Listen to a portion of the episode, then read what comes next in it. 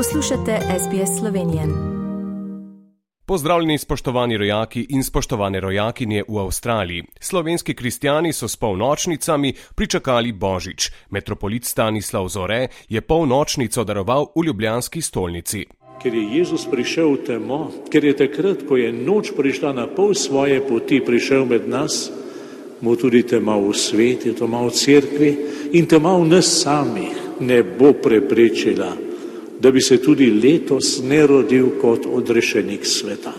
Slovenski verniki Božič upisujejo predvsem kot družinski praznik. Tradicija, družina, upanje.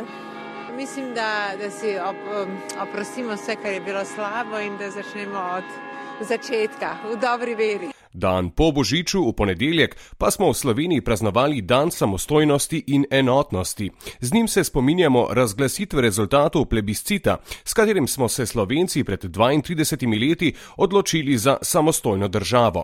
Plebiscita se je udeležilo 93 odstotkov volivnih upravičencev, za samostojno državo jih je glasovalo okoli 95 odstotkov.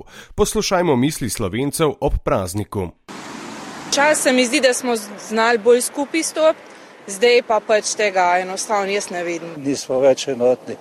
Sploh pa ne glede na tiste čase, ko smo se osvojili in osamosvojili.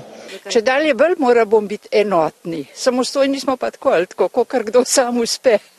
Smo bolj razdeljeni, nismo več tako enotni daleč od tega. Se mi zdi, da v enih točkah smo se že mogoče uspeli kaj povezati, ampak predvsem bi bilo treba delati na mladih, uh, ker mladi zaenkrat bi se lahko bolj povezvali, bolj delali na neki skupnosti.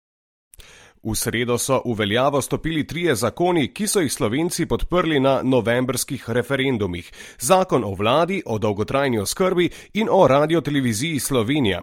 Tako je odprta pot do vlade z 20 ministri, uveljavitve zakona o dolgotrajni oskrbi z letom 2024 in novega načina upravljanja javnega zavoda RTV Slovenija. Na ustavno sodišče pa je medtem bila že vložena pobuda za ustavno presojo novele zakona o radioteleviziji Slovenija. Slovenija, v kateri pobudniki s prvo podpisanim predsednikom programskega sveta radiotelevizije Slovenija Petrom Gregorčičem predlagajo absolutno prednostno obravnavo in začasno zadržanje novele. Poslušajmo njegove argumente.